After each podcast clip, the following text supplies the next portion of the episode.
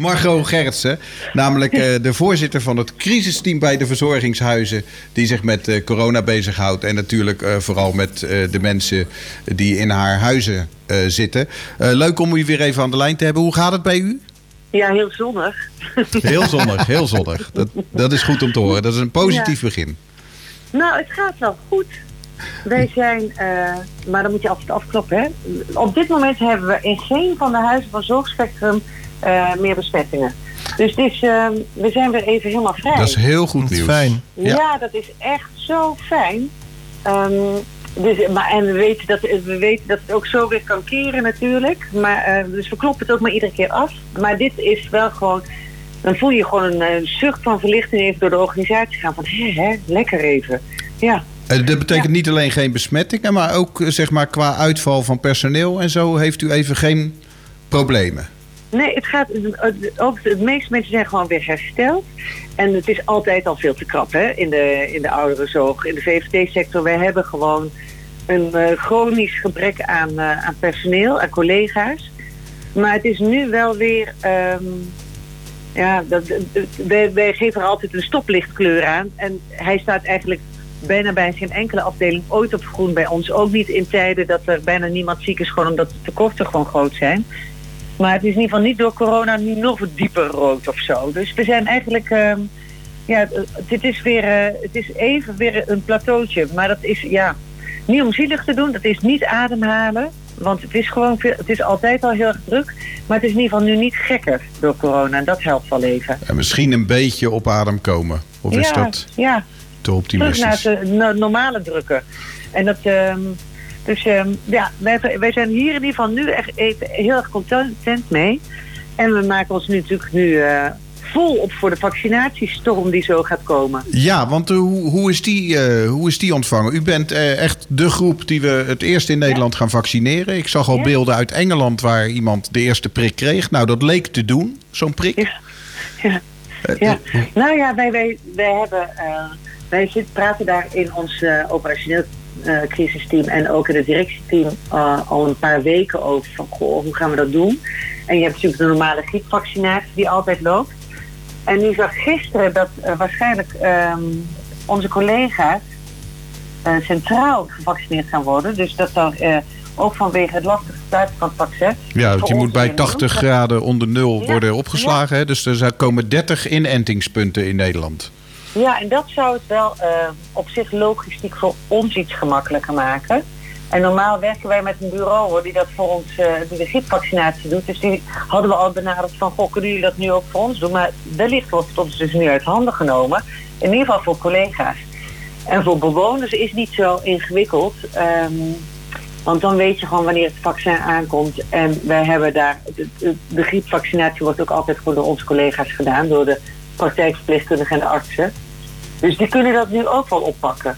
Maar het spannendste is natuurlijk het sentiment. Hè? Dat vinden we echt wel een spannende van. Goh, wat, wat, wat gaan Wie gaat het doen? doen? Ja, ja. en wat gaan ze doen? heeft u daar al signalen van gekregen?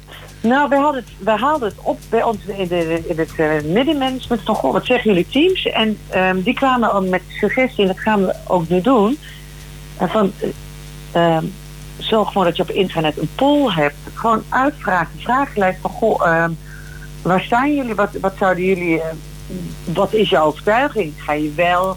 Wil je wat later? Ga je niet? Hoe zou je het, uh, hoe zie je dat? En dan weten wij ook uh, iets beter ook welk verhaal we moeten vertellen. Want natuurlijk willen we heel graag dat zoveel mogelijk collega's zich laten vaccineren.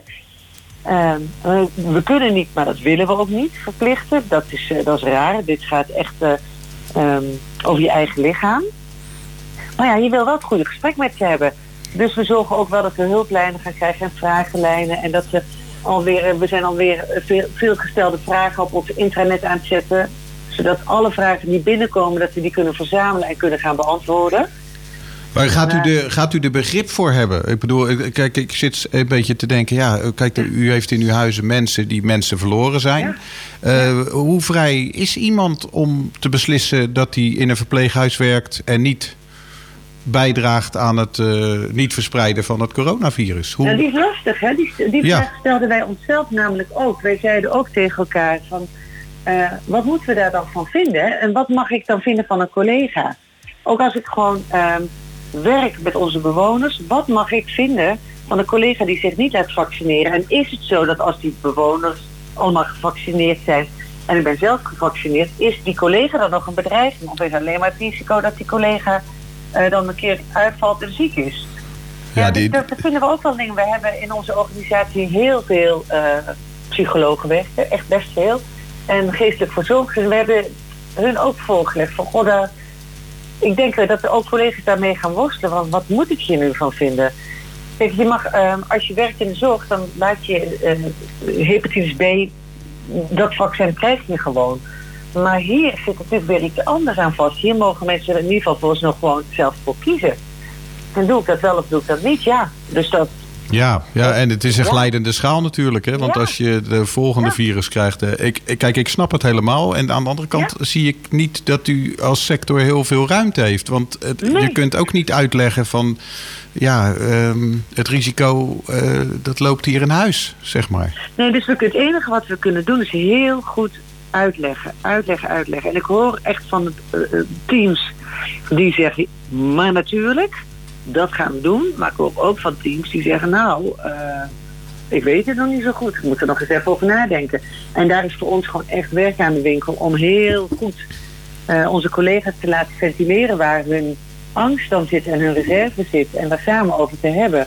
Gaat u als management uh, met z'n allen voor de camera de prik uh, doen als uh, meneer Obama en ja. als George Bush? Nou ja, we zouden het zo doen, maar ik denk wij krijgen hem denk ik niet als eerste. Want het is maar beperkt, hè? dus het zullen echte collega's zijn die op de vloer zijn. zorg verlenen. U, u krijgt geen prik? Wel, we hebben wel aan, aanbod vanuit um, de cliëntenraad en onze, de zorgadviesraad. En, omdat die ook zeggen van wij willen graag ons verhaal ook doen om uh, zo ook uh, te stimuleren en te motiveren van goh, alsjeblieft, hè, doe ook mee.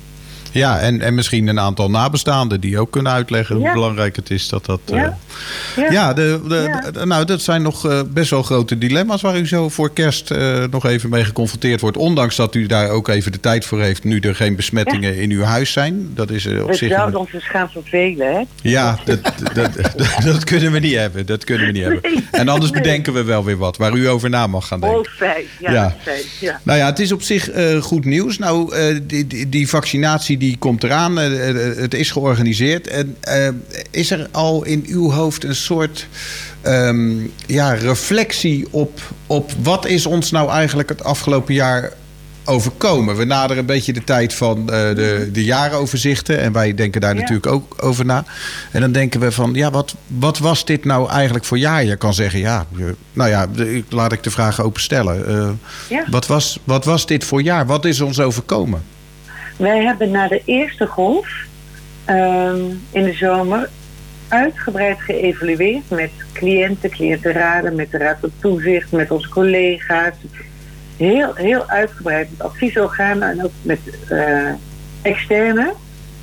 En daar toen uh, al wel onze de, de, goede punten en de leerpunten uitgehaald. Zijn daar echt wel uh, toen aan het reflecteren al geweest. Wat, wat, wat gebeurt ons nu? En aan het evalueren geweest. En wat willen we nu meenemen naar de toekomst? Ik denk dat dat ja. heeft ons geholpen in de tweede golf. Echt geholpen om, uh, om nog wat meer uh, aangesloten te zijn bij alle verschillende partijen. Maar het is, als je naar terugkijkt, het is gewoon een enorme rollercoaster geweest.